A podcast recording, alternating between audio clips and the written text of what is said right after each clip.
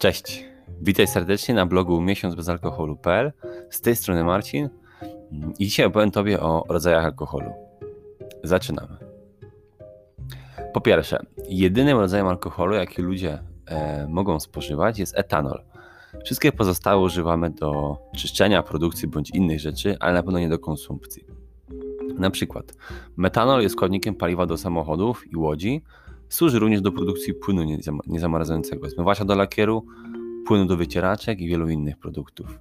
Izopropanol to z kolei nazwa techniczna alkoholu, e, nazwa chemiczna alkoholu e, i służy on m.in. do czyszczenia czy dezynfekcji.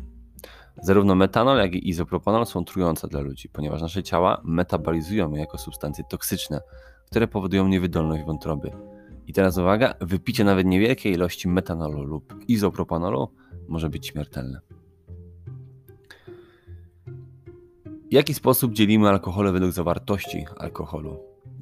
Istnieje wiele różnych rodzajów e, napojów alkoholowych, a niektóre z nich zawierają więcej alkoholu niż inne.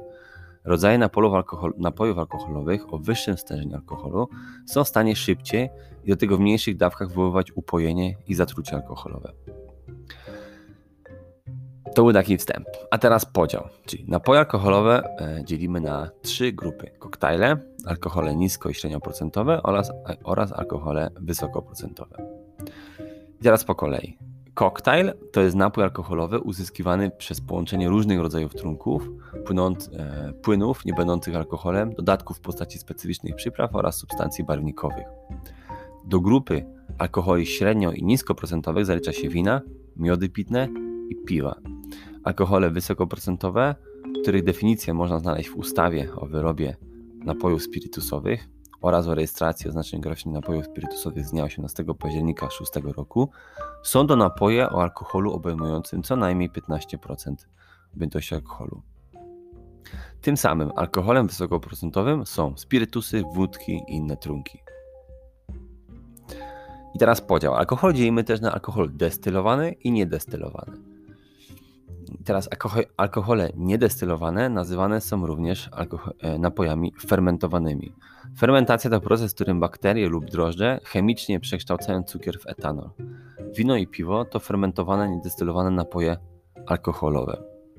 Winiarnie fermentują e, winogrona do produkcji wina, a browary fermentują jęczmień, pszenicę i inne zboża do produkcji piwa. Destylacja to z kolei proces, który następuje po fermentacji. Proces przekształca sfermentowaną substancję w substancję o jeszcze wyższym stężeniu alkoholu.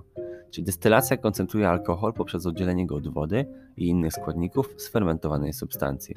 Alkohole i wyroby spirytusowe to destylowane napoje alkoholowe. Zawierają więcej alkoholu niż napoje niedestylowane. No więc teraz przykłady. Czym są napoje niedestylowane, a czym są napoje destylowane. Najpopularniejszymi napojami niedestylowanymi jest oczywiście piwo, wino, cytr, miód pitny i sake jako przykład. Mm, I teraz z kolei napoje destylowane, likiery i spirytusy to na przykład gin, brandy, whisky, rum, tequila, wódka czy absynt. Teraz te pierwsze niedestylowane faktycznie zawierają o wiele mniej alkoholu niż te drugie destylowane. I to byłoby na tyle. Dziękuję Tobie za wysłuchanie tego odcinka, tego nagrania, w którym dowiedziałeś się, w jaki sposób dzielimy alkohole.